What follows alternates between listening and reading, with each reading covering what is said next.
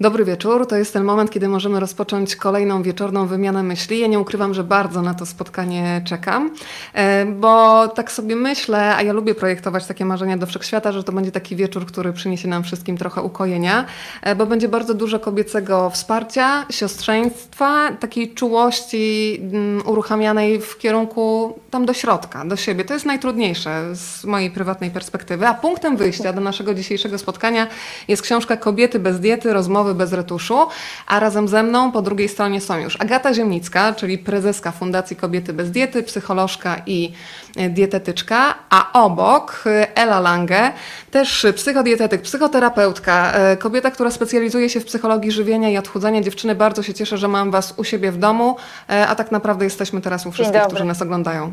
Dzień dobry. Dzień dobry.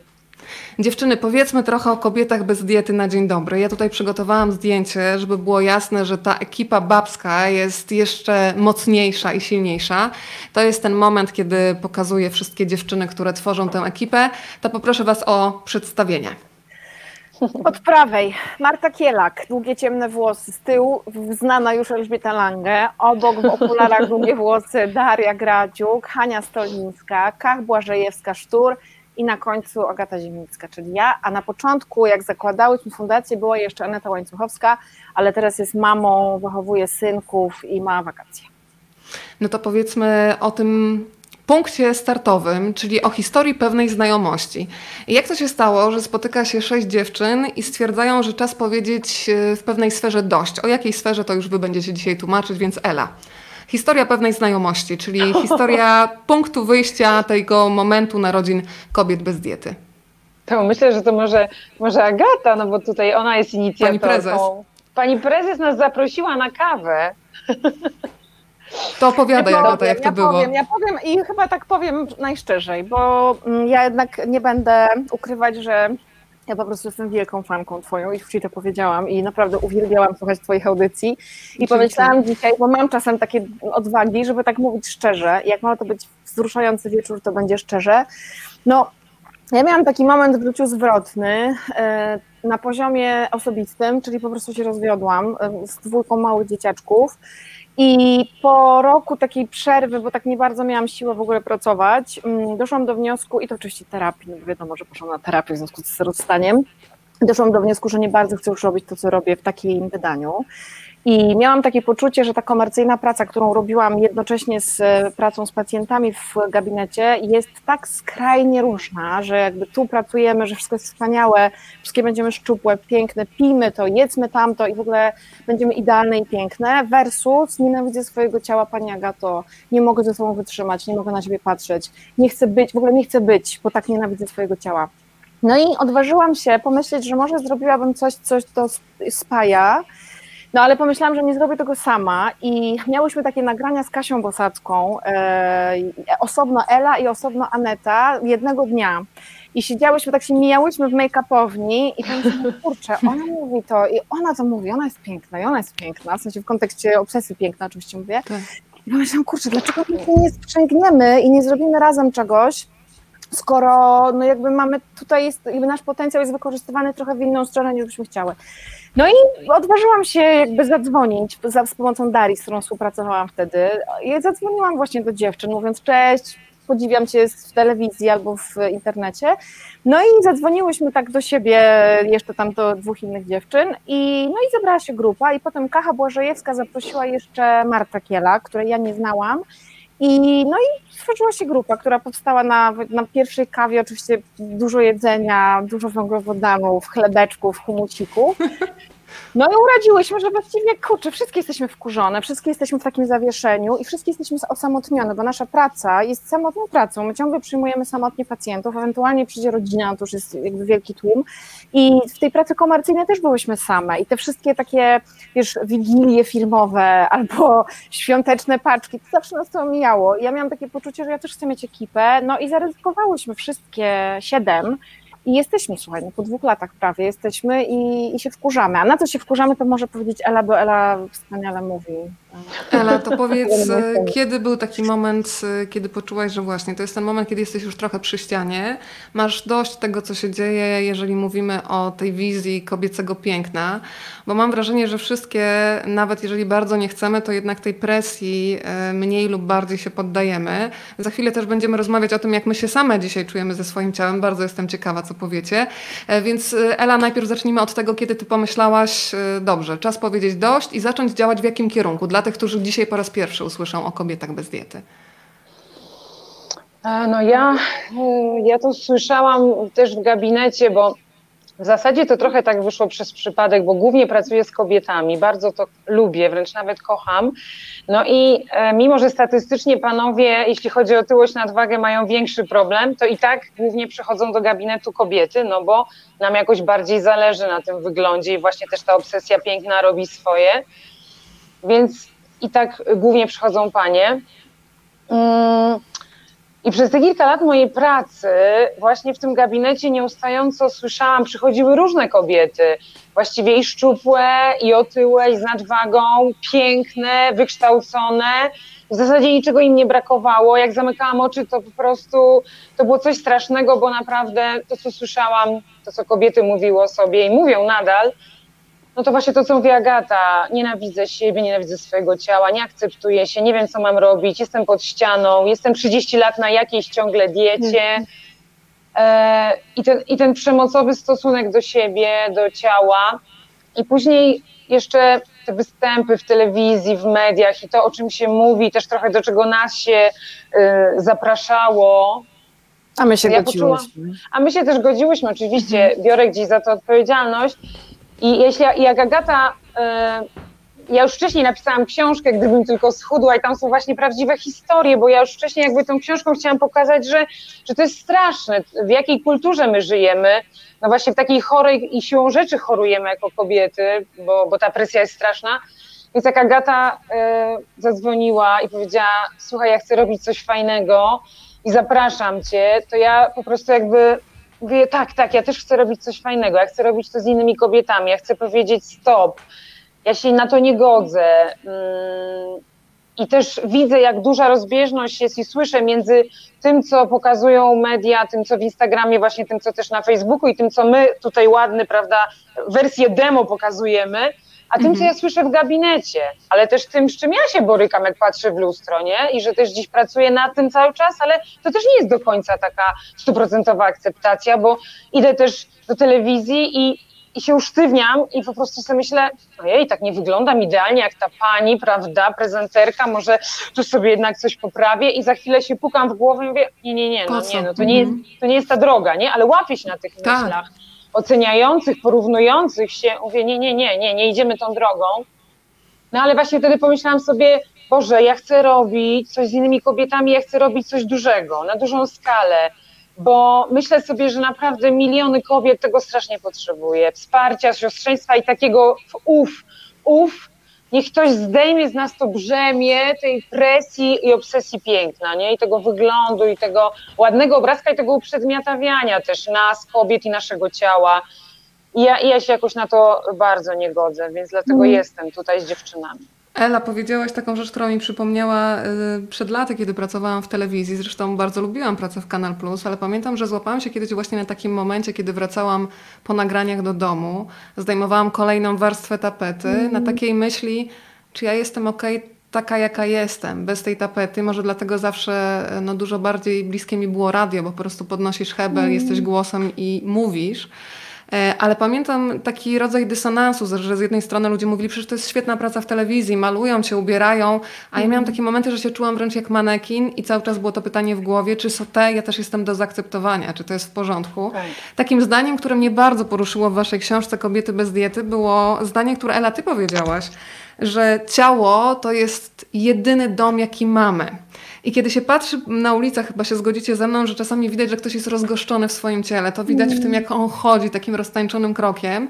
Ja jestem dopiero na tym etapie, kiedy się próbuję rozgościć y, w ciele, które bardzo długo niestety traktowałam jako opakowanie tylko. Więc jak jest z Wami? Agata, y, jak Ty się dzisiaj czujesz ze swoim ciałem? Y, twoje przełomowe zdania zaraz też będę przytaczać, bo bardzo mocno mi siedzą w serduchu.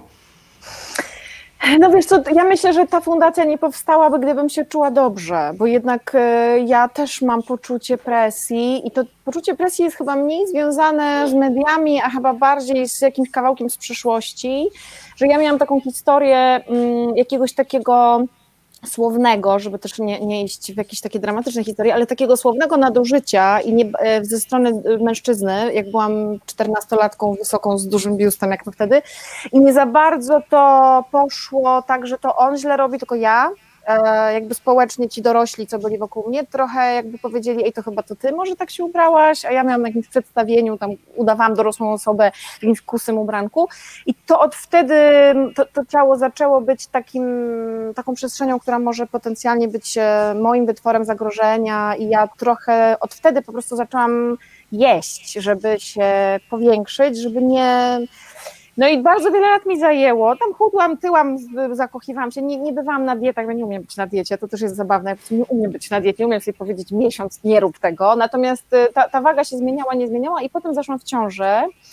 I, no i w tej ciąży po prostu jakby osiągnęłam taką totalną równowagę. W sensie okazało się, że jestem tak wypełniona i bezpieczna, że dawałam sobie najlepsze rzeczy i czułam się tak dobrze, i, I wtedy jakoś tak się to ciało też stało, no wiesz, jakimś fenomenem, nie? że to dziecko tam może się rozwijać i te porody też były takie, potem zaraz druga ciąża i porody też takie mocy porody, czyli że jakby ja, ja jakby moje ciało i kobiecość nabrały takiego znaczenia i mogłam sobie powiedzieć do widzenia z tym starym, e, trudnym doświadczeniem, i teraz mam tak, że jest ok, trochę jest tak, że ten rozwód tak nie za dobrze mi zrobił na jedzenie, bo jednak trochę jadłam więcej niż bym chciała, więc nie mam takiego poczucia, takiej formy życia, ale jestem taka wyrozumiała dla siebie i bardziej współczująca niż surowa. I wiesz, przeszłam na to intuicyjne jedzenie czyli staram się dbać o to, żeby mi ciało mówiło, co chce jeść. Czasem ono mówi takie niezbyt dobre rzeczy, a czasem słucham i mówi dobre, więc jestem ewidentnie w drodze, ale jestem w, no jakby nie mogę powiedzieć, że wychodzę na plażę i jestem wolna od oceny. My tutaj mamy z Elunią różne doświadczenia, teraz jesteśmy po sesji, więc jakby w wielu sukienkach lepiej, gorzej, tam na dróbkach w ogóle, więc nie jestem wolna, natomiast y, z głowy sobie daję takie pozwolenie, żeby tak jak dziś jest, żeby było ok, no bo nie umiałam lepiej, ale myślę, że brakuje mi bardzo aktywności fizycznej do takiej sprawności ciała, że bardziej teraz zależy mi na tym, żeby tak mieć siłę i sprężystość, niż żeby być szczupłą, ale no nie ukrywam, że zajmuje mi to trochę dnia, w sensie, że to nie jest tak, że się budzę i wiesz, wdycham opary swojej samoakceptacji, tylko mówię sobie, okej, okay, okej, okay, Agata, to jest okej, okay, więc tam jestem. To mi się bardzo podoba to twoje zdanie, które we mnie siedzi, to było to, że przez kilka lat się rozeszłaś ze swoim ciałem, że się jakby unikaliście i dopiero to doświadczenie macierzyństwa spowodowało taki powrót y, fenomenalny.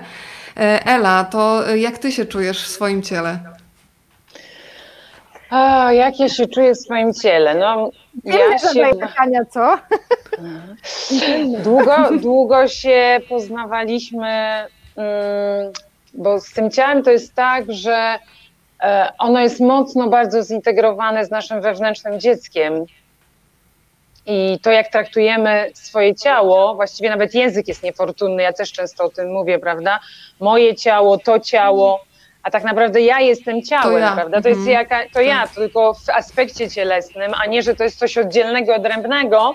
Ja myślę, że ja długo jednak też miałam tak, że to było coś oddzielnego i odrębnego, no ale z racji tego, że jestem psychoterapeutką, no to musiałam się tam przemaglować wzdłuż i wszerz na różnych terapiach po to, żeby sama potem móc pomagać. To nie ma innej drogi kompletnie, więc, e, więc nic mnie takiego, no nie, nie, nie ominęłam nic, co było dla mnie, znaczy nic, myślę, że no, większość, no bo pewnie jeszcze, jeszcze się z czymś tam na pewno spotkam, bo to jest takie nieskończone w zasadzie ta praca nad sobą, nowe doświadczenia i pewnie coś tam zgłębi się wyłoni nowego, ale teraz jestem na takim etapie chyba mm, większego współczucia dla swojego ciała, właśnie yy, też zależy mi bardziej na tym, żeby ono było zdrowe, witalne, takie ożywione, ożywione, no ale też jestem też na takim etapie żegnania się z młodością, ponieważ mam 44 Błagam lata. Mam 44 lata.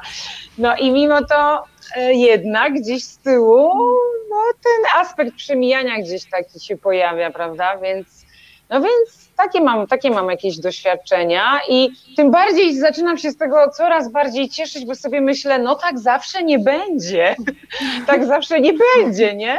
I jak sobie wyobrażam siebie za, nie wiem, 20 lat, no to pewnie będę patrzeć na te zdjęcia i sobie myśleć, Boże, co ja od siebie chciałam, tak? Więc staram się naprawdę odganiać te myśli, które są takie krytyczne i takie wymagające i oceniające, bo no już tak nie będzie. Trzeba się cieszyć z tego, że jest tak teraz, nie? Ela, tak pięknie powiedziałaś o tym domu. Ja przed dzisiejszym spotkaniem sobie pomyślałam, że dzięki Wam zaczynam wprowadzkę do nowego domu tak naprawdę, bo do tej pory mam wrażenie, że wiecie co, chyba zrobię taki w odwrotnym kierunku, że te pudełka, które się zazwyczaj wnosi, to ja wyrzucę te, do tych pudełek, wrzucę wszystkie złe myśli na swój temat i po prostu wylecą. Natomiast będę się wprowadzać do tego domu, którym jest to ciało, bo faktycznie e, ja Wam muszę powiedzieć, że jestem na takim etapie, gdzie zdarzało mi się nawet nie zapalać światła w łazience, bo miałam tak złe e, myśli na swój temat. Natomiast teraz e, takim przełomowym momentem było to, kiedy stałam sobie kiedyś w lustrze i znowu najpierw był taki atak na siebie, co za celulit i w ogóle wiecie, a nagle myślę, hej, masz takie fajne nogi, zaprowadziły cię do tylu wspaniałych miejsc. Zamknęłam temat i zaczęłam faktycznie cieszyć się tym, co to ciało mi daje. Słuchajcie, jest z nami fotograf Bartek Maciejewski, który napisał tak. 90% kobiet chce, żebym robił lifting w Photoshopie. Bartosz tu i tam zrób tak, żebym była piękniejsza. Bardzo często to słyszę, bardzo, bardzo, a piękno jest gdzie indziej, jest w duszy, w oczach, spojrzeniu. Bartek, bardzo Ci dziękuję za ten głos. I Asia, tak, retusz y, nie przyszedł mi nawet do głowy, ale kto wie, może za 15 lat coś mi strzeli do głowy. Swoją drogą to też jest chyba tak, że e, każdy z nas, dziewczyny, no to swoją drogą to jest świetny pomysł. Jak była sesja, e, czy było w ogóle, bo ja wiem, że kiedy się robi zdjęcie grupowe kobiet, mam takie doświadczenie kiedyś z sesji radiowej, to wybrać jeden kadr, na którym sześć kobiet jest zadowolonych z tego, e, jak wygląda, to było prawie niemożliwe. Jak było u Was przy okazji sesji do kobiet bez diety? Szczerze. Nie, nie było No, tego. nie było My się tego, tym super. strasznie cieszyłyśmy, Zupełnie nie? tego nie miałyśmy. Miałyśmy sesję w ogóle przedwczoraj drugą, ale miałyśmy też sesję do książki i sesja do książki była robiona przez Karola Tomaszewskiego, który wspaniale mm, nas, e, no nie wiem, zaopiekował się nami i rozmawiał z każdą z nas przed e, tym, jak zaczęliśmy i on właściwie e, tak ukradkiem na nas spoglądał i robił nam zdjęcia z boku i już doszło do tego, że no, zaczęliśmy się przebierać w ogóle nam przy nim tutaj, jakby w ogóle straciłyśmy taki też zmysł, że są robione te zdjęcia. y, Natomiast ta poprzednia sesja, ta, ta sesja z przedwczoraj też była taka, że no, mm, jakoś w ogóle nie było. Znaczy, był taki moment, że ja powiedziałam, ej, mam takie duże ręce, to zróbcie mi tak, żeby nie było widać. W sensie padło to, bo robiłyśmy sukienki, sukienki Riska, byłyśmy w ubraniach z Rich Made in Warsaw i też chciałam im dać takie ładne, natomiast nie było tego. I rzeczywiście nasze zdjęcia w książce nie miały w ogóle retuszu. I ten Karol mówi, ale no ja wiem, tak jak Bartek powiedział, ja wiem, że wy teraz nie chcecie, ale może powiedzcie, co dla was jest najważniejsze, bo to ci zawsze w końcu retuszuje i nie zrobiłyśmy retuszu w ogóle, tak w ogóle, w sensie nawet zostawiłyśmy te bliki niebieskie, które ja oczywiście e, bardzo lubię, ale no myślę, że to, nie, nie miałyśmy tego, w sensie rzeczywiście nie było pomysłu, żeby się wyszczuplać, no ale też z drugiej strony o to też chodziło w tej książce. No. Nie odważyłyśmy się stanąć w gaciach i w koszulce, bo to było dla nas za dużo, poza tym no, Ela jest terapeutką, jakby Natomiast y, na, na to, co sobie pozwoliłyśmy, to się, to się zupełnie, nie, Elunia? Czy nie? Czy, czy mam jakieś wyidealizowane po, poczucie, czy, czy, czy nie? Bo tak sprawdzę u ciebie, Nie. bo może ja tak Nie. czułam. Zero, no. Nie, nie, nie, ja, jakby ja mam podobnie. Y, Ta sesja mm, dwa dni temu, która była, naprawdę my się myślę, po prostu jakąś radochę z tego mieliśmy, ogromnie się bawiłyśmy. Zresztą mm, w ogóle nie byłyśmy ani przebrane, ani przymalowane, bo akurat, prawda, też Martynka, która nas umalowała, ale to było naprawdę, sama zresztą też powiedziałaś, jesteście tak różne, Boże, każdą muszę umalować inaczej, ale ona to zrobiła w taki sposób, że my się czułyśmy, bo wiecie, no to też jest tak, że fajnie jest się czuć pięknie, fajnie jest się czuć Jasne. dobrze i jakby nie ma w tym nic złego, nie, tylko no, problem polega na tym, kiedy y, to zaczyna być kluczowe, kiedy to zaczyna być nadrzędne, kiedy wokół tego rodzi się obsesja, kiedy na, na bazie tego buduje się obraz siebie, nie, swojej wartości, no to wtedy zaczyna się problem, ale no nie ma się co oszukiwać, że dla nas kobiet to jest jakiś ważny kawałek kobiecy, że nam było fajnie w tych sukienkach zwiewnych, prawda, przed tym aparatem i to było takie seksowne, kobiece. Seksowne to było było, właśnie tak sobie myślę, że myśmy się pobawiły bawiły w taką, naprawdę wiesz, przez to, że się tak długo znamy i też Iwona Sokulska, która robiła nam zdjęcia, ona ma coś takiego, że przy niej czujesz się jak, trochę jakby, była jednym z mebli w twoim domu, w sensie, że ona jest po prostu z tobą, a ty z nią. I myśmy się po prostu świetnie bawiły i myślę też, że w ogóle nie było takiego pomysłu, nie, żeby, Iwona też mówiła, weź te włosy, bo nie widać, w sensie, że ona na bieżąco jakby nie pozwalała nam szpecić sobie urody, czy na przykład zdjęcia, ale to nie było o szczupłości i pięknie, tylko o takiej kobiecości. I Tam myślę, jest kobiecość to... i bliskość. I to jest Tak, właśnie też e, tak, talent e, fotografa, tak, który też tak. trzeba pochwalić, że nie tylko zamyka w kadrze konkretne osoby, ale Tak. też emocje i to jest zawsze najcenniejsze w fotografii. Basia do nas pisze, słuchajcie, ze Sri Lanki, bo tam mieszka. E, no właśnie i to przemijanie nas goni cudne, trzeba się otworzyć na to, co będzie, e, a to, co jest, będziemy nadal piękne, tylko musimy się tak czuć. E, Są takie kobiety w ogóle, słuchajcie, bez, bez wieku. Ja nie mogę wymienić, z kim ostatnio rozmawiałam. A może mogę, tylko nie chciałabym wypominać wieku, żeby to tak nie było, ale powiem Ale wam, wiecie, że... 50 wewnętrzne- plus, 50 plus. We, wewnętrzne 50, tak. piękno, wewnętrzne piękno nigdy się nie starzeje, słuchajcie. No więc słuchajcie, rozmawiałam z cudowną kobietą, która e, dopiero gdzieś po rozmowie zaczęłam tak sprawdzać e, mm, wiekowo właśnie, ile ma na karku, jak to się mówi. Nie byłam w stanie uwierzyć, ponieważ miała po 80, a dałabym jej może 60. E, I, i, I miała w sobie właśnie, dlatego uważam, że są ludzie bez wieku i w pewnym momencie, kiedy z kimś rozmawiasz, kompletnie nie myślisz o tym, ile on ma lat, bo ma w sobie tak wewnętrzne, fantastyczne piękno, że ten wiek schodzi gdzieś na jakiś ostatni plan. Mówiłyście o opiece fotografa, ale chciałabym jeszcze, żebyśmy opowiedziały o jeszcze jednej kobiecie, o Kasie Miłkowskiej, e, dzięki której też powstała ta książka, o której dzisiaj rozmawiamy. Powiedzcie w ogóle, jak wypracowałyście, no bo to, to był też szczególny moment tego największego zamknięcia związanego z e, pandemią. Partyzantka Elunia, dawaj. Partyzantka totalna to była. No, no, to jest w ogóle ta książka, to jest dziecko kwarantanny. Napisałyśmy ją na Zoomie. Sześć kobitek i w tym właśnie siódma e, dziennikarka, też kobitka. No to było naprawdę niezłe wyzwanie. Na szczęście trochę żeśmy się podzieliły na grupy, bo po prostu, ale ja to kocham bardzo w kobietach, że wszystkie często mówimy na raz i się słyszymy i dokładnie rozumiemy i wiemy o co chodzi. Ktoś wczoraj napisał nawet nam taką recenzję, że jakaś pani, w ogóle to bardzo poruszające było, bo napisała, że zobaczyła w bibliotece naszą książkę i tak ją zaskoczyło i sięgnęła po nią i że bardzo fajnie i że dużo, że siedzi z nami przy stole i napisała, no co prawda w rozmowach jest delikatny chaos, ale wart przebrnięcia. O nie, Boże, nie wyłączyłam telefonu. Już dzwonią, żeby wiesz, pogratulować. Kto dzwoni Nie. do ciebie, słuchaj, ale cały czas jesteś obecna, no mój więc nie zniknęłaś. do mnie dzwoni, jak należy po prostu w dobrych relacjach, przynajmniej tyle. Słuchajcie, no wyłączyłam, bo to chyba telefon się łączy, już nie, nie umiem więcej zrobić, mam nadzieję, że nie zadzwoni. Ym, no, że napisałyśmy rzeczywiście, ta książka była napisana tak, że Kasia Miłkowska zrobiła katorżniczą, ogromną pracę, ponieważ Mm. ona po prostu zadawała nam pytania i robiła nam wywiady, myśmy się widziały, a nikt wcześniej poza mną nie, nie widział Kasi na oczy. Dziewczyny jej zupełnie nie znały i Kasia robiła z nami wywiady, potem to spisywała swoim naprawdę wyjątkowym, dobrym piórem. Tak, jesteśmy znacznie mądrzejsze moim zdaniem niż rzeczywistości. E, I potem my to e, przez wiele godzin redagowałyśmy, no i jeden, jedna rozmowa za drugą. Ona to wpięła i, i też jakby nas mobilizowała. Niesamowicie w ogóle duża intuicja. Doszło do takiej sytuacji, i myślę, że mogę powiedzieć Elunia, bo ty byłaś podczas tej rozmowy, no, że musiałyśmy przerwać, bo były takie emocje i takie łzy, że musiałyśmy się po prostu dzwonić jeszcze raz, Tak, bo że- Kasia że nam się przy okazji- intymność, Tak, przy okazji różnych tematów o, też otwierały jakieś nasze takie, prawda, e, in, e, intymne kawałki i, i wspomnienia i refleksje, więc to momentami naprawdę było bardzo wzruszające. No, był to jakiś taki rodzaj też psychoterapii, ta książka dla nas, prawda, jakiegoś takiego procesu, w, tu- w Ja którym myślę, byłyśmy. I Ja myślę, że w ogóle y, teraz dopiero sobie z tego zdałam sprawę, bo my jak zaczęłyśmy pracować razem, to tak sobie założyłyśmy, że nie będziemy wchodzić w relacje przyjacielskie, tylko zawodowe, bo to się po prostu nie uda, bo będziemy ciągle gadać zamiast pracować. Mhm. I myślę, że do tego czasu książki tak było poprawnie, że miałyśmy bardzo dużą życzliwość, ale nie, nie, jakby nie wchodziłyśmy w te relacje jakby prywatne, w takie, y, wiesz, Bardzo takie bliskie. tam słychać. Ale ta książka spowodowała ogromne zbliżenie i nadal nie mamy tej bieżączki, że tam właśnie ktoś był, zadzwonił, nie zadzwonił, tylko jesteśmy w takim, no nie wiem, no takiej bliskości też te, tej przeszłości i to jest jakoś, myślę, że bardzo też rezonuje teraz w naszej Ale wspólnych też tematów, prawda, tego, co kobiety łączy, no bo mamy wspólne tematy, wspólne problemy, właśnie wspólne bolączki, ale ja jeszcze chciałam jedno dodać, no. że w ogóle, słucham?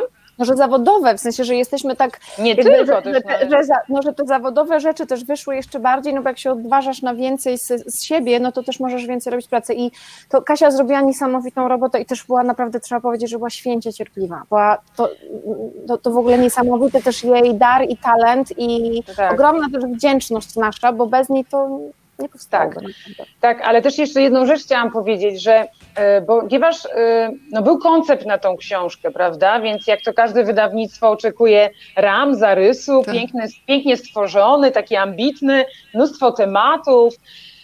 I nagle okazuje się, że to płynie poprzez te pytania w ogóle w inną stronę, w taką naturalną stronę. Otwierają się takie kawałki, więc ta książka naprawdę jest, naprawdę ta książka to są rozmowy bez retuszu.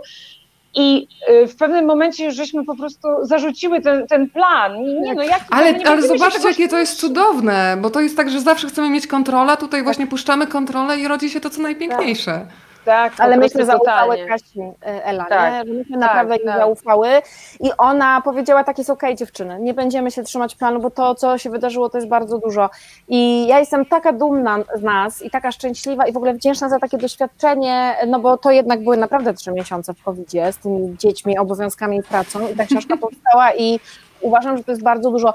Prawda jest też taka, że to nas trochę wyciągnęło z tego covidowego dołka, że my miałyśmy taką motywację, żeby wstać, garnąć się w tych piżamach, po prostu w tych bluzach, no bo to takie naj, najbardziej co te i, i, no i wyszło to, więc szkoda, że nie możemy zrobić fajnego spotkania, miałyśmy plan, żeby jeździć do różnych miast, nawet zdobyłyśmy budżet na to, co jest w ogóle cudem jakimś, że Super. ktoś chce po prostu promować i pomagać nam promować. Bardzo dziękujemy naszemu, sponsor, naszemu sponsorowi, żeby nam pomagać jeździć po Polsce i gadać o kobiecości. Wiesz, to jest w ogóle Słuchaj, możesz wymienić sponsora u mnie, nie ma żadnych ograniczeń, więc powiedzmy z, Dziękujemy tak. Knajp. Dziękujemy firmie Knajp, która produkuje kosmetyki naturalne i szerzy też taką myśl, że trzeba o siebie dbać po prostu. I Tak, i taką myśl har- życia w harmonii, nie? Tak, Słuchaj, ja tak. jestem za tym, żeby e, z imienia i nazwiska nazywać tych, którzy robią dobre rzeczy, więc na szczęście tutaj nie mamy na głowie telewizji, radia ani korporacji, więc tak, Mhm. bardzo To dużo Ewie dobrych myśli wysyłamy. bardzo dziękujemy, bo dziewczyny otworzyły serce i dzięki nim dużo też myślę, że się w naszej fundacji wydarzy, więc e, Ewo i e, Agnieszko, wielkie dzięki.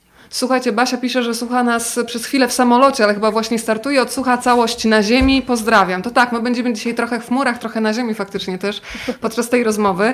Dziewczyny, y, ja tak sobie pomyślałam, że ta nasza rozmowa przyda się na pewno tym wszystkim, którzy mają czasami takie poczucie winy albo takie uczucie, mm, że nie przystajemy trochę do tej rzeczywistości. Myślę o tym, że na przykład, nie wiem, macierzyństwo nie wygląda jak z Instagrama, albo na przykład jak w moim przypadku nie ma go wcale. Że na przykład mamy ciągłe poczucie winy, albo chcemy się z kimś porównać i jakaś taka poprzeczka wisi niewidzialna ja chcę doskoczyć i cały czas się odbijam od tej ściany. Jak często sama się z tym mierzycie, mimo właśnie, wiecie, terapii, doświadczenia, wiedzy?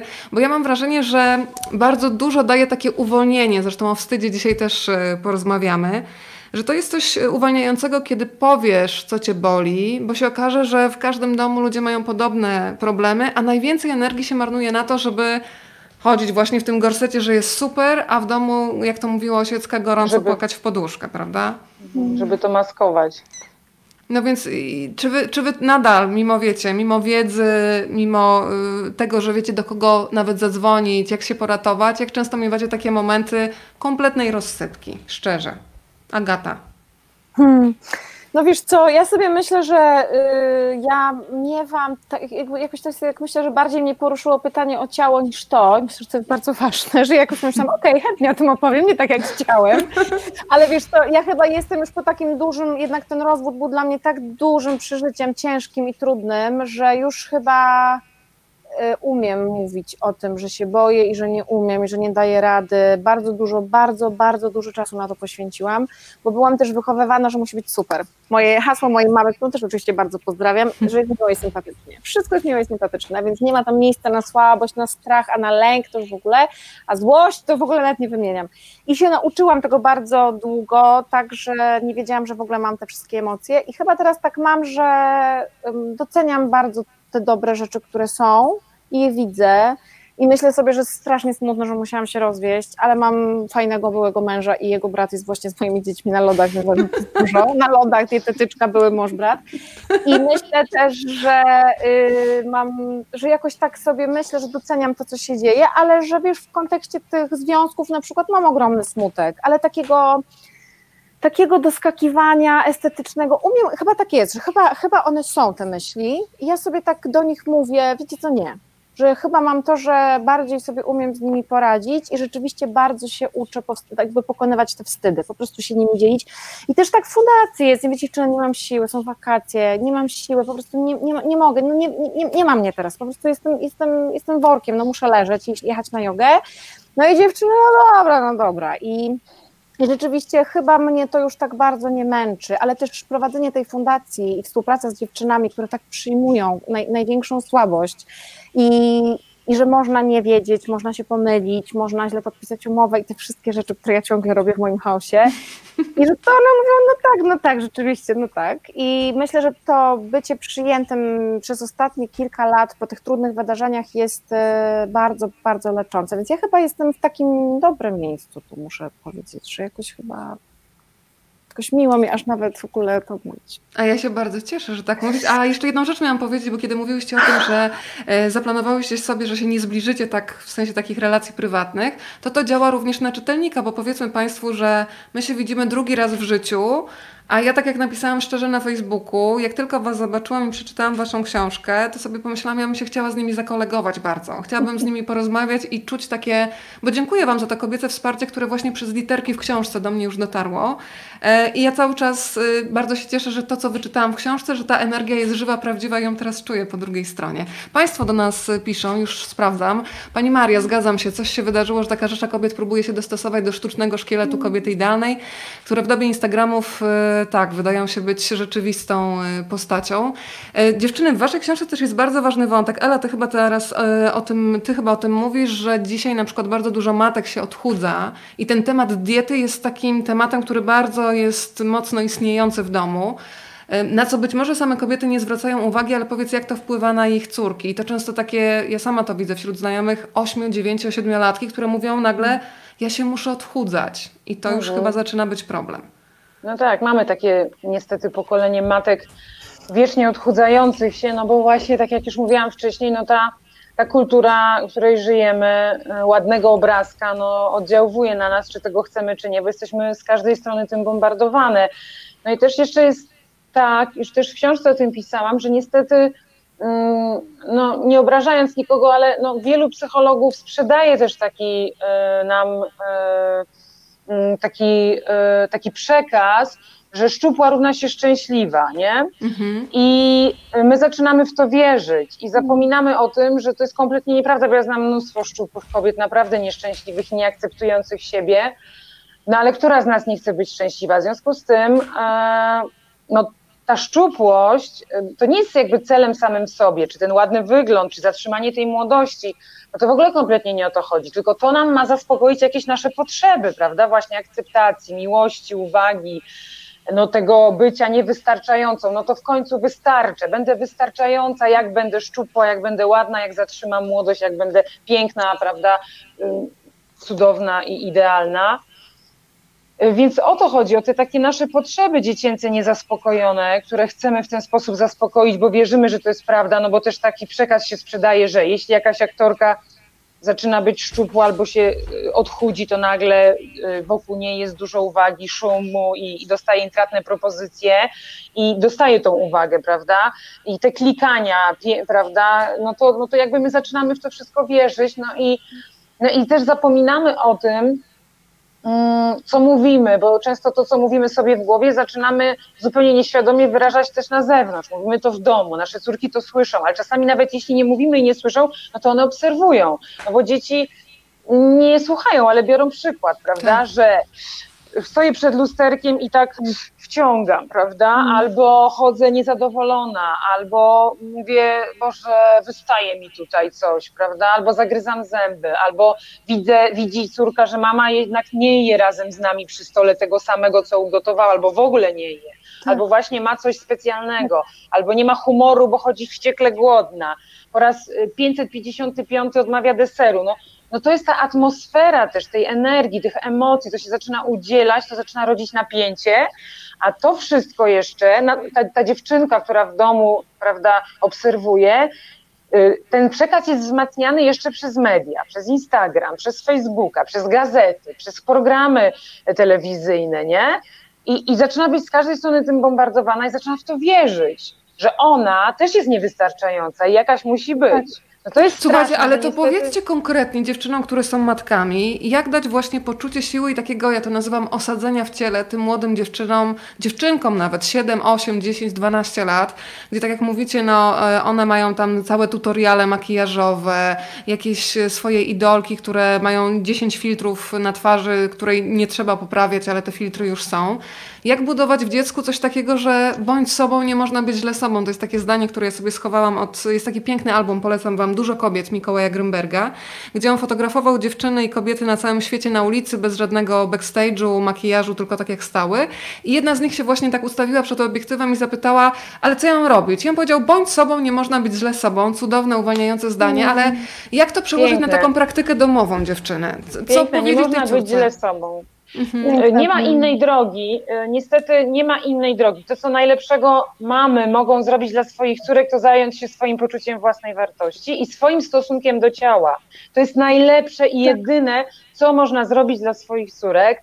Nie ma takiej możliwości, żeby mama, która sama e, siebie nie akceptuje, nie mówię już o takiej stoprocentowej akceptacji, prawda, i totalnej miłości, bo pewnie to jest kompletnie niemożliwe, ale takiej zdrowym podejściu do siebie. No dobrze, mam jakieś niedoskonałości, ale też, prawda, y, mam tutaj coś, co jest fajne i co lubię.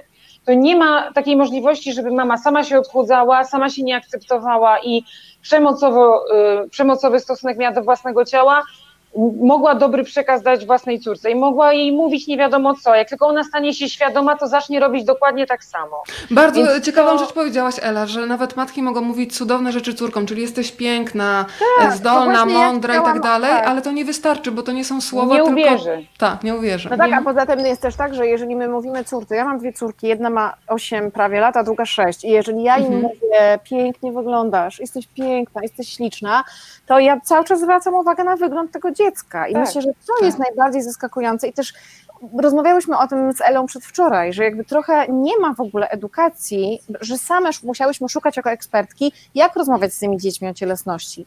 Dlatego, że jest taki kawałek i też y, y, zwracam się Elunia do ciebie, no bo my mamy z Elunią taką naprawdę, no taki match i że jest tak, że jak ja widzę Elę, to myślę sobie, Boże, ona jest taka cudowna, w sensie, że taka i piękna i tak, Jezu, no po prostu tak mam, że tak, no tak chemicznie i też mam Mhm. takie odczucie, że na przykład jeżeli byłabym mężczyzną albo kobietą, która na przykład jest zainteresowana kobietami, no to, to powiedzenie, że wspaniale wyglądasz, no to jest jakby naturalne i niech ono będzie, no bo to jest miłe powiedzieć komuś, cieszy mnie twój widok, cieszę się, że cię widzę, ale niekoniecznie, Podobasz mi się, tak? Podobasz mi się, jest się. zupełnie czymś innym niż mówisz, wiesz, jesteś piękna, bo Tak. słuchajcie, to też uzależnia, daje, i dziewczynka się Dziecku, uczy, okej, tak. muszę być piękna, żeby dostać Mhm. uwagę, Tak. e, je, muszę być taka, tak. muszę być jakaś, nie mogę być sobą, prawda? O tym, słuchajcie, rozmawiałam ostatnio z panią Ewą Wojdyło, y, gdzie Wiktor Osiatyński w, y, wspominał kiedyś, że y, ona go nauczyła, żeby nie chwalić dzieci za rzeczy od nich niezależne, na przykład za urodę,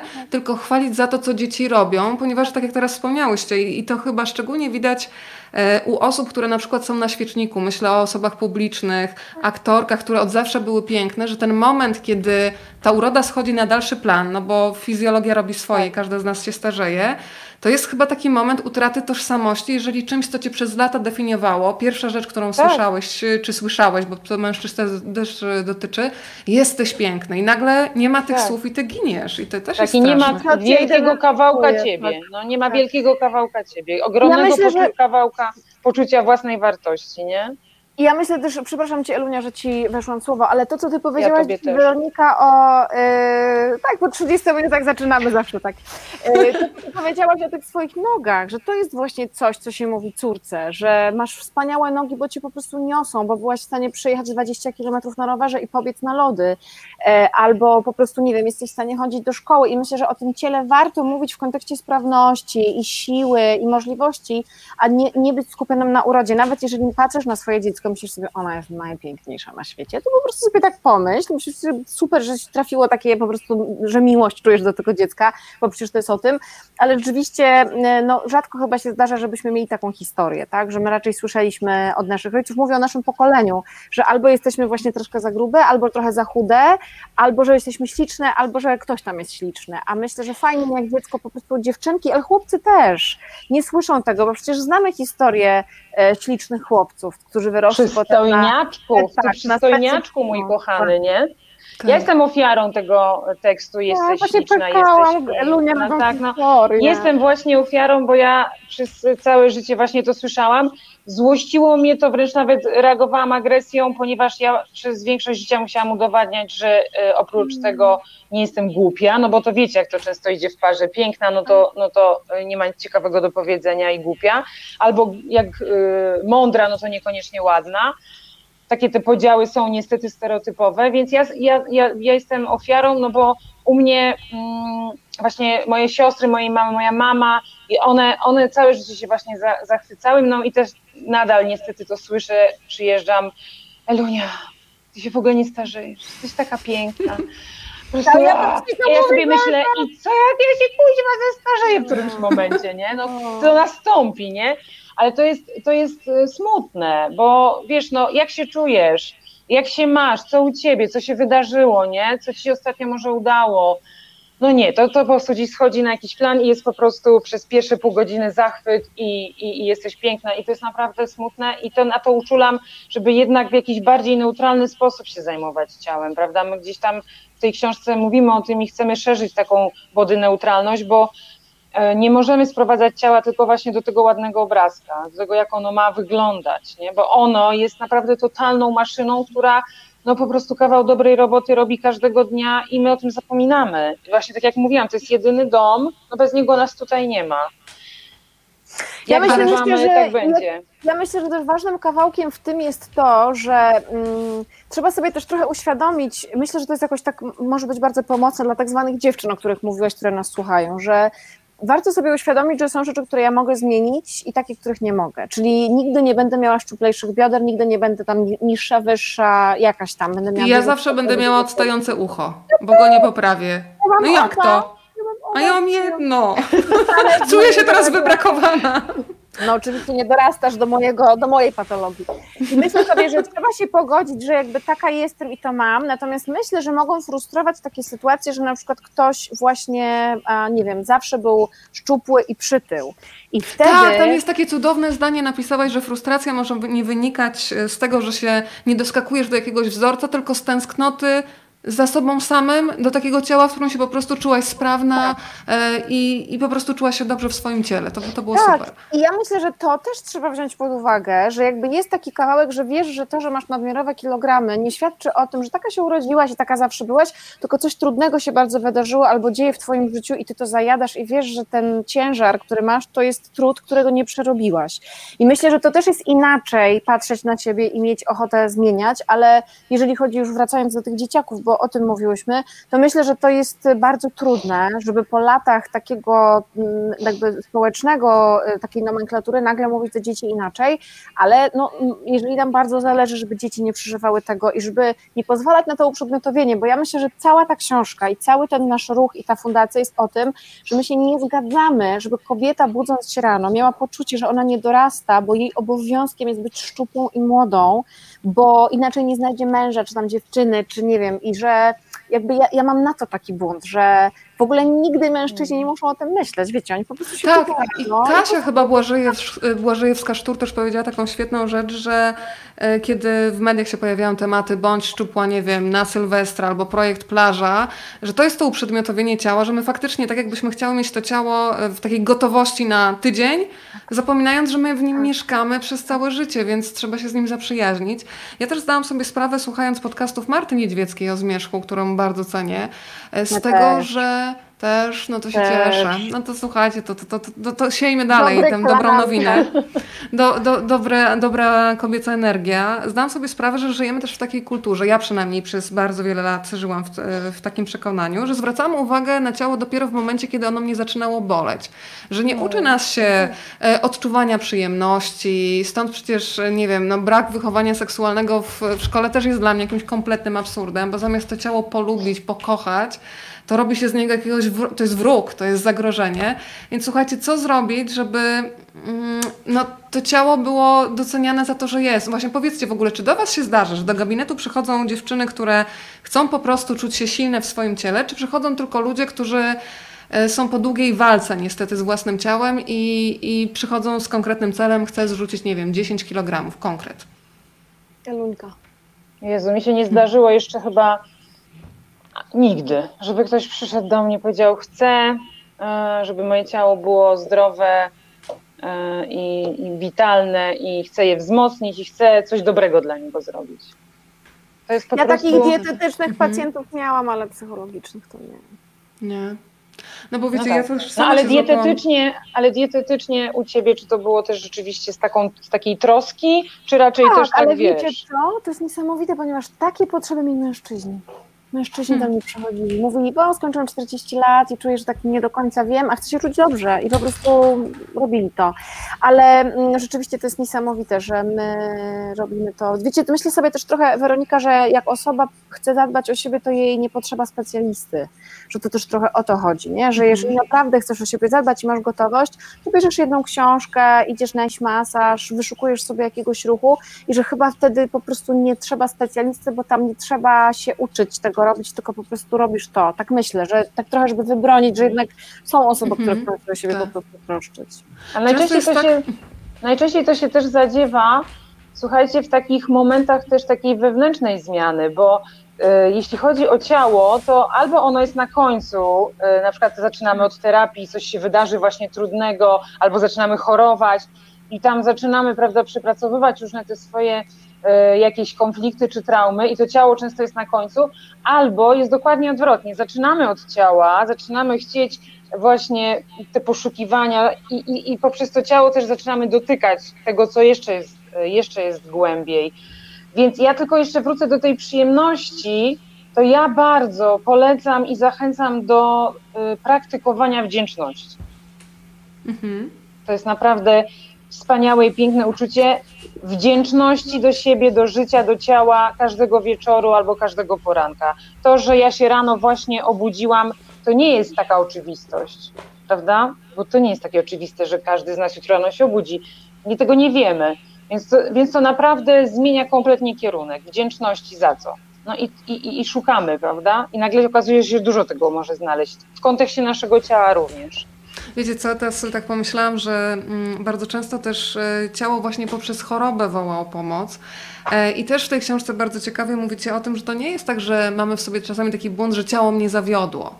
E, Tylko to trochę my zawiodłyśmy ciało i to były taki Dokładnie. krzyk rozpaczy, żeby nas zatrzymać. E, Mnie tak i pewnie wiele kobiet, bo to jest diagnoza teraz bardzo częsta, czyli Hashimoto i problemy tarczycowe mnie zatrzymały, ale myślę, że po kilku latach mogę powiedzieć, że jestem wdzięczna za to, bo od tego czasu się jakoś bardziej sobą opiekuję, a uruchomienie tej czułości było bardzo trudne. Ale też tak bardzo osobiście, teraz nie wiem dlaczego, ale z taką czułością też pomyślałam, słuchajcie, o moim tacie, który akurat jest no, po trudnych doświadczeniach, bo po dwóch amputacjach, ale świetnie sobie radzi. E, I zawsze mu mówię, że on bez tych dwóch nóg mi pokazuje, jak wstawać z trudnych sytuacji. I on mi powiedział kiedyś, słuchajcie, taką rzecz. E, mówię o tym, bo może też komuś da, da siłę po prostu taka postawa. Powiedział, słuchaj, ja mam dwa wyjścia. Albo płakać, albo się cieszyć, że przeżyłem. Mamy fantastyczne wnuki, bo to są e, siostrzeńcy moi.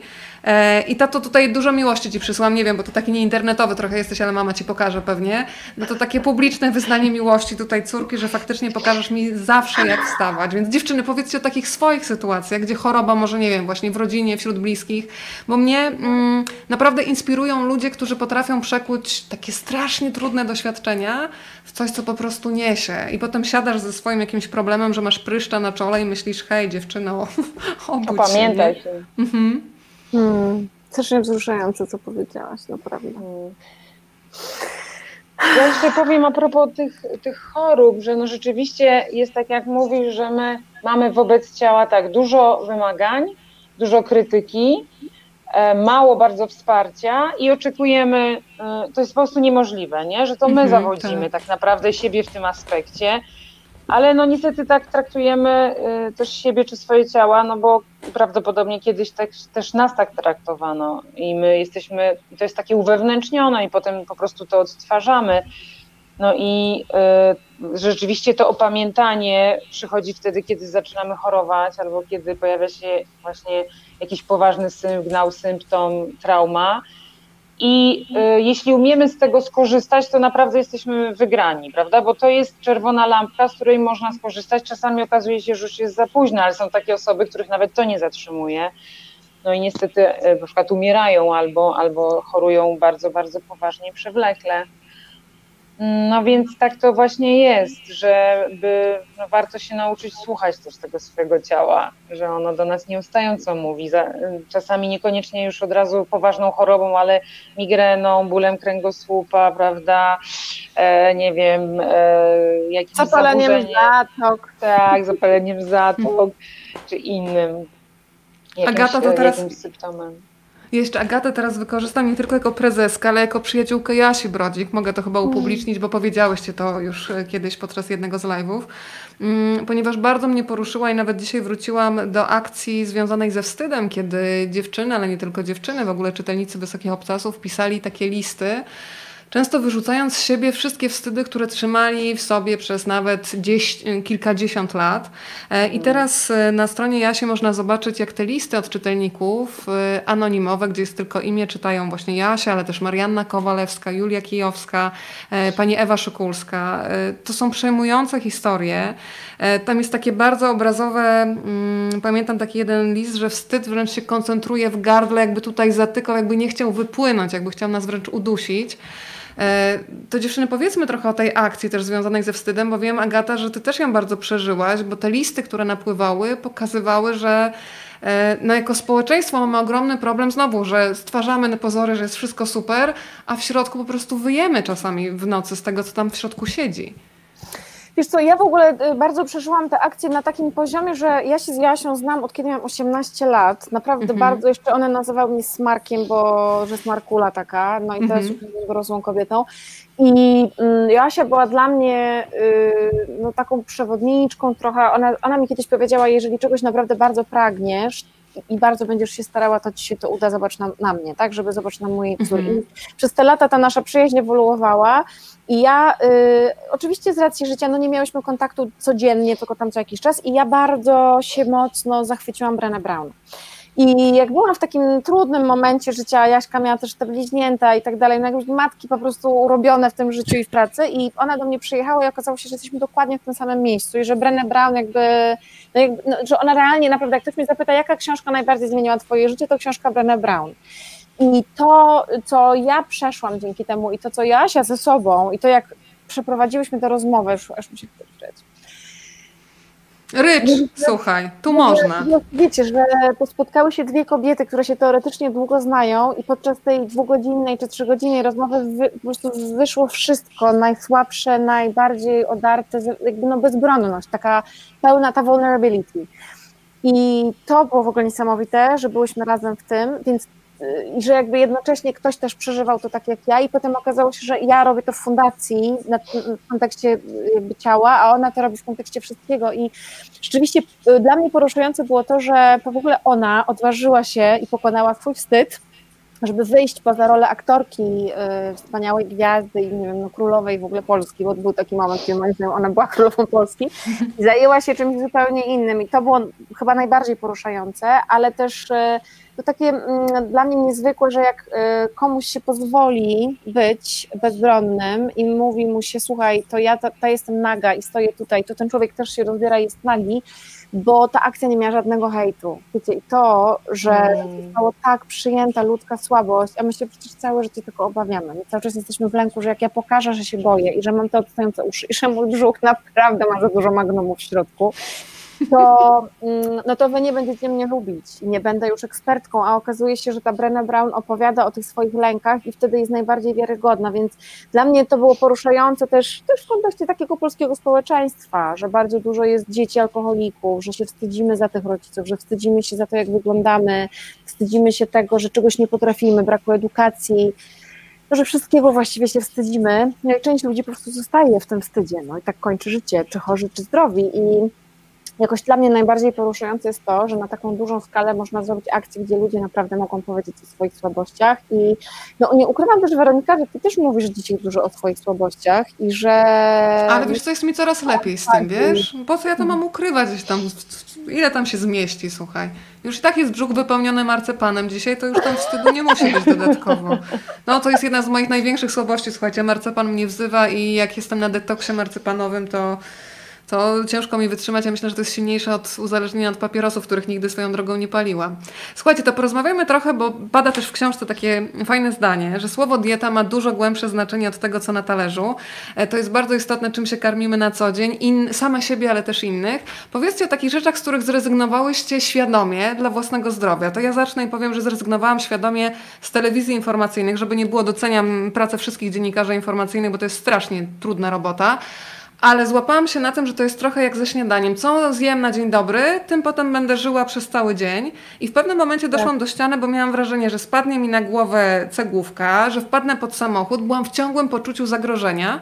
I w momencie, kiedy zrobiłam sobie detoks, on już trwa dobrych kilka lat, oglądam tam raz dziennie informacje, żeby wiedzieć, na jakim świecie żyję. Natomiast to była świadoma decyzja, która spowodowała, że ja miałam takie przekonanie, że mam wpływ na to, czym się karmię. To wasze takie decyzje konkretne. Ela. No ja też y, od wielu, wielu lat w ogóle nie mam telewizji i rzeczywiście y, mało zaglądam i mało czytam, przyznaję się, bo to naprawdę no, strasznie zamula i zatruwa ten umysł. Y, ja bardzo, bardzo przymierzam się jednak do detoksu y, facebookowego. Chociaż i tak instagramowo jestem naprawdę, ja się jestem, mm, jeśli chodzi o fundację, na dużej granicy. Powiedziałam nie, ja nie będę tam po prostu tego robić, nie będę, nie, nie, nie jestem do, nie, nie chcę, nie po prostu. No ale naprawdę jakoś się przymierzam do tego. Naprawdę mam ochotę wykasować w ogóle też y, swój profil, bo no, no jakoś nie, no nie, no nie. Więc to rzeczywiście, e, ale też bardzo pracuję nad tym, żeby nie karmić się e, wymaganiami wobec siebie, bo mam taką tendencję, nawet nie krytyką, ale wymaganiami wobec siebie, bo ja jestem raczej z tych siłaczek. E, to ty, Ela, tak, to ty Ela, tak napisałaś w książce, że czasami mimowolnie bierzesz udział w konkursie na najfajniejszą osobę na świecie, to ty? Nie, Agata. To Agata, a to Agata powiem Ci na pocieszenie, że ostatnio rozmawiałam z blogerką Olą Radomską z bloga Mam Wątpliwość i ona to nazwała, że ona ma czasami takie wrażenie, już przestała to robić, ale że walczy, przepraszam za słowo, e, walczy o kotylią zajebistości. Wiesz co, to mi tak przemówiło do wyobraźni, że ja też mam czasami wrażenie, że tak bym chciała, żeby wszyscy mnie lubili. No nie da się, no, no po prostu się nie da. To ja, ja z tego zrezygnowałam. Najlepsza matka, najlepszy obiad E, pyszny, najlepsze ciuchy, chociaż nie bardzo, akurat w tym mi się nigdy nie udawało, ale się starałam.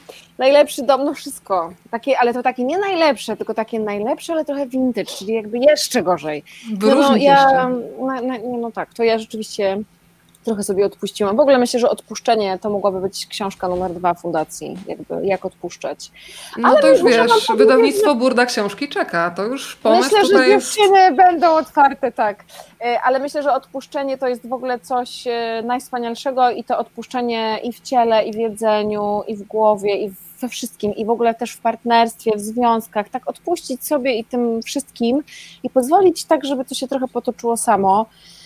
No ale to wiecie, no to półmetek, o ile w ogóle. Pan Andrzej się, słuchajcie, włączył do dyskusji, pyta Agatę o to, o jakiej książce Brené Brown mówisz.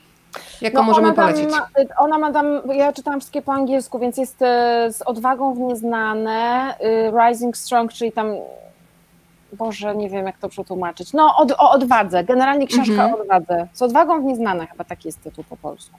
O, dziewczyny tutaj piszą, odpieprz się od samej siebie nasze to hasło. Tak, to Elunia. zresztą Elunia Wiktor Osiatyński chyba też mówił, że należy właśnie wstać, zrobić przedziałek rano i odpieprzyć się od siebie.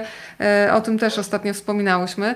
Słuchajcie, to muszę was jeszcze zapytać e, o takie najbardziej wzruszające momenty w waszej pracy. Z Bo wielką bez wątpienia... odwagą, przepraszam, z wielką odwagą Brené Brown. To ta O, książka. super. To już mamy. Pan Andrzej, mam nadzieję, że zanotował. Zostało, więc będzie można do tego wrócić. To powiedzcie o takie najbardziej wzruszające metamorfozy waszych y, pacjentek, czyli y, kiedy widzicie osobę, która wchodzi ten pierwszy raz do waszego gabinetu i jest kompletnie inną osobą po pracy i po tym takim zamieszkaniu w swoim ciele po prostu.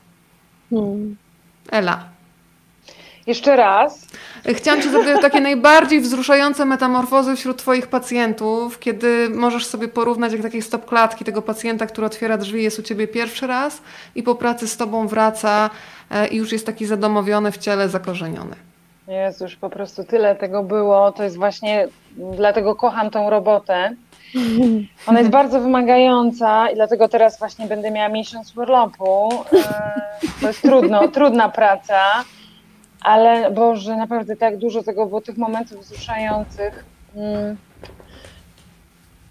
To jest, e, nie wiem, czy to jest tak, że e, rzeczywiście po pracy takiej ze mną ktoś już totalnie jest jakoś wolny i, i pisze mi, super się czuję w swoim ciele, no bo to jest pewnie jeszcze też praca na kolejne, kolejne lata, ale yy, miałam na przykład taki, taką niestandardową sesję z klientką, która bardzo y, siebie się wstydziła, y, ważyła 130 kilo. I zrobiłyśmy taką sesję spacerową, y, po prostu pod rękę na zewnątrz, ona tak w dużej izolacji też od świata. I to było bardzo wzruszające dla mnie i dla niej, że, że ja się tak odważyłam po prostu z nią iść i że ja się jej nie wstydziłam. To było po prostu też piękne i dla niej też takie bardzo przełomowe, e, pokazujące, że no, mówię, i, i to, to, to naprawdę było cudowne. Strasznie nie lubię, jak przychodzą do mnie osoby i mówią no, do mnie, y, to co, po pierwszej konsultacji zwłaszcza, to co, trudny, trudny przypadek, nie? Trudny jest ten przypadek. Pani nie jest przypadkiem, tylko człowiekiem, kobietą, tak? Więc to też jest straszne, bo to też słychać, jak się sa- same kobiety bardzo uprzedmiotawiają. Ojejku Boże, tak szybko próbuję sobie przypomnieć, bo tych momentów jest naprawdę mnóstwo. Hmm. To Ja e, może Agata ratuj. Teraz może, Chcę wam powiedzieć, że jestem tak podekscytowana, że mam takie wypieki dziewczyny, że aż emocje mi po prostu... Pąsy, cała w pąsach, Pani Prezes. Słuchajcie, y, bardzo nie lubię tego prezes. Wiesz, mamy taką równość w fundacji, że nie, nie róbmy sobie tego, bo ja już oczywiście czuję, że to na pewno to znaczy, że niewystarczająco coś zrobiłam. Jezu, jak prezes, to muszę napisać. Do końca naszej rozmowy nie użyję tego sformułowania, Dziękuję masz bardzo, Bo z obiecane. dziewczynami tego w ogóle nie, czasem jak one żartują prezeska tam coś, ale to nie robimy. Ale wiecie, to ja mam, ja sobie jakoś e, tych pacjentek przez lata było tak dużo, ale od razu wpadła mi pacjentka chyba y, dlatego, że to było dość duże wyzwanie, nazwijmy ją Luzią, chociaż oczywiście miała inaczej na imię. I to była dziewczyna, która przyszła z taką bardzo aktywną bulimią, e, oczywiście nienawidząca swojego ciała, a najbardziej nienawidząca tego brzucha. I ona przychodziła do mnie, no i tam z 15 napadów zeszła do 7, potem do 3 tygodniu i rzeczywiście przestała wymiotować. Dużo się bardzo też działo i namówiłam ją na psychoterapię, no bo ja jednak pracuję psychodietetycznie, nie psychoterapeutycznie. I słuchajcie, ona po chyba dwóch latach naszej wspólnej pracy zaszła w ciążę i po prostu ten brzuch się stał, to trochę chyba dlatego, że może ja też miałam takie doświadczenie, dlatego mnie tak porusza, że ten brzuch się jej stał miejscem, na, w którym może rosnąć coś innego, a nie ta nienawiść. I ona już teraz właśnie urodziła drugie dziecko. Wiesz co, to zdanie zapamiętam na długo, bo to jest brzuch, w którym rośnie miłość, tak? Jak się cudnie miejsca zamieniły. Słuchaj, aż dreszcze mam tutaj na nogach i na rękach też. Pani Zuziu, jeżeli nas Pani słyszy, ale oczywiście nie ma Pani tak na imię, to naprawdę wielkie dzięki, bo to ta przemiana, ja też w ogóle miałam wtedy takie właśnie odwagę, żeby bardzo inaczej pracować niż standardowo i to przekraczanie za każdym razem też dawało coś ważnego i to taka Tak. bardzo bliska mojemu sercu osoba, więc... Dziewczyny, a powiedzcie, jak się, mm, jaki macie stosunek do takiego odchudzania się na świeczniku? Czyli myślę o sytuacjach, kiedy albo sami sobie mm, sami siebie stawiamy w takiej opresyjnej trochę sytuacji, bo wydaje nam się, że potrzebujemy motywacji i ogłaszamy wszemi wobec, że zaczynamy odchudzanie. E, pomijam już tutaj przypadki, kiedy są to rozpoznawalne osoby, bo myślę, że tutaj presja jest jeszcze większa. E, czy to jest coś, co pomaga, czy, czy właśnie powoduje, że w pewnym momencie czujemy się już trochę osaczeni? Bo tak Elunia, jakbyśmy... to chyba ty o osaczeniu To jest chyba swoim... strasznie trudne. Bo ty miałaś takie... No ty miałaś osaczenie z, ze strony mediów, żeby się zajmować takim oficjalnym odchudzaniem. E, wiesz, o co mi chodzi? Dostałaś tak, o, o, tak. no, to, no, bo Ela miała osaczenie, żeby właśnie osaczać odchudzającą mhm. się. No, no ja jestem, no ja jestem wielką przeciwniczką, bo no, to jest znowu to samo, no, o czym rozmawiamy. Znowu, znowu jest to ten ładny obrazek, znowu jest to e, sprowadzanie tego wszystkiego tylko i wyłącznie do, e, no, do, do tej obsesji piękna, wyglądu i, i dużo w tym jest bardzo przemocy i takiego właśnie uprzedmiotawiania, prawda? No bo to nie jest o, o osobie, o tym, co ona przeżywa, o tym, co ona czuje. No i bardzo często jeszcze w ogóle to pomaganie y, nie jest prawdziwym pomaganiem, tylko wszystko skoncentrowane jest na tym, żeby osiągnąć cel, żeby był efekt, tak, żeby było wielkie wow. Y, więc ja, ja jestem wielką przeciwniczką tego, choć wiem, że mnóstwo jakichś dziewczyn, prawda, blogerek też robi kawał dobrej roboty, no bo te dziewczyny nie czują się takie samotne, robią pierwsze kroki, zaczynają wychodzić z cienia, więc no rozumiem, że to też jest ważne, w jaki sposób to się robi, nie? I to i ważne jest też, co jest celem, bo jeśli celem jest, że ja się podzielę swoją historią i zrobię to, w jakimś sensie poświęcę też siebie, trochę się obnażę po to, żeby pomóc innym kobietom, no to jakby to ja się pod tym podpisuję. Ale jeśli mm, celem jest właśnie, nie wiem, zarabianie pieniędzy, komercja, e, zdobywanie uwagi, popularności, no to, no to ja mówię temu wielkie nie, no, wielkie nie. To ja teraz jeszcze zajrzę do książki po statystyki, które Ela, ty przy, przytaczasz akurat. E, mówi, że czytałaś takie statystyki, które mówiły, że uwaga, i to jest przerażające, co szósta amerykańska kobieta woli zachorować niż przytyć. E, kolejne dane. 61% nastolatek uważa się za grube, z czego połowa w ogóle nie ma nadwagi. 80% Polek do 23 roku życia było przynajmniej raz na diecie, czyli w momencie, kiedy tak naprawdę jeszcze jako młode kobiety się rozwijają. Tak, 84 e, Polek, gdyby tylko miało fundusze, zrobiłoby sobie operację plastyczną i nawet takie wyliczenia Ela nam zrobiła, kursując po Kenie ursynowskim, że na jednej ulicy, która no oczywiście jest długa, to informacja dla tych, którzy są spoza Warszawy, e, naliczyła 150 punktów oferujących zastrzyki z botoksu. E, powiem Wam szczerze, że ja z pewnym niepokojem obserwuję się zastanawiam, na ile działa presja telewizyjna, bo kiedy patrzę na e, część kobiet, które nie mają powodu, czyli myślę o dziewczynach, które są poniżej trzydziestki, które decydują się już na tego typu zabiegi, czy to jest kwestia presji, i tego, że w pewnym momencie człowiek już y, ulega, czy naprawdę inaczej postrzega siebie w lustrze niż to, co na przykład my jako, nie wiem, osoby postronne widzimy. Co się dzieje w głowie, że wchodzisz w ten pęd, nawet jeżeli nie masz takiej potrzeby. Ja też nie chcę oceniać, bo uważam, że w wielu przypadkach być może jakaś delikatna ingerencja powoduje, że ty w końcu siebie polubisz, bo coś ci aż tak bardzo Wyzwalasz przeszkadza. się z czegoś, nie? Z jakiegoś Dokładnie, kompleksu. tak. Ale chodzi mi o sytuację, kiedy coraz młodsze dziewczyny no, sięgają po yy, operacje plastyczne nawet, czy to jest kwestia presji, poddania się środowisku, tego, że trzeba być naprawdę, mam takie wrażenie, w dzisiejszych czasach bardzo silnym, żeby pozwolić sobie na to bycie sobą, takim jakim się jest. Tak. Lunia? Ja? Znowu ja? To tak ładnie opowiadasz, się tak myślę, bo ty tak wszystko mówisz wspaniale, inteligentnie, to mi się ciebie dobrze słucha. No bo myślę, że to też taki trochę psychologiczny kawałek y, jest. Czemu tak Widziałaś ten wzrok. Nie, no naprawdę, no, to no jest myślę, bardzo złożone, to jest bardzo, bardzo złożone. Ja się zgadzam z tym, co mówisz Weronika, że trzeba być e, odpornym i silnym i trzeba mieć dobrze zbudowane poczucie własnej wartości, a to znowu e, dostaje się w domu, prawda? I w domu się to buduje, więc no my sobie to przekazujemy z pokolenia na pokolenie. Chyba, że idziemy jako matki właśnie na terapię, zaczniemy się wzmacniać i przerywamy to, e, tą pętlę. Więc to jest bardzo złożony problem, ponieważ czynników moim zdaniem jest mnóstwo. No pierwsza rzecz to jest taka, że to się zaczyna gdzieś w dzieciństwie i nasze różne doświadczenia zaczynają jakiś nas, nas obraz siebie budować. Oprócz tego wiadomo, że jeszcze wzorce od naszej mamy różne.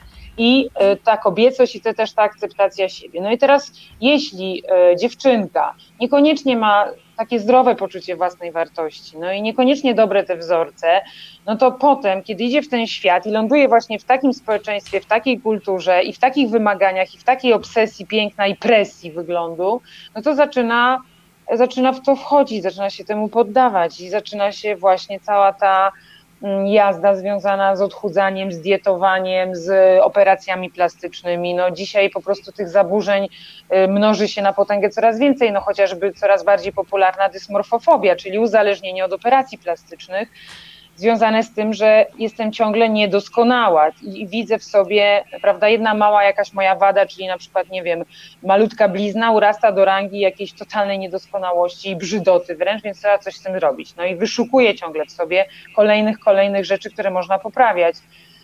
Więc no to jest bardzo złożony problem, ale myślę też, że no, w jakimś stopniu media są też za to odpowiedzialne, no bo nakręcają tą Głównie. spiralę, mhm. ale nie tylko media, przemysł farmaceutyczny, przemysł kosmetyczny, przemysł spożywczy, prawda?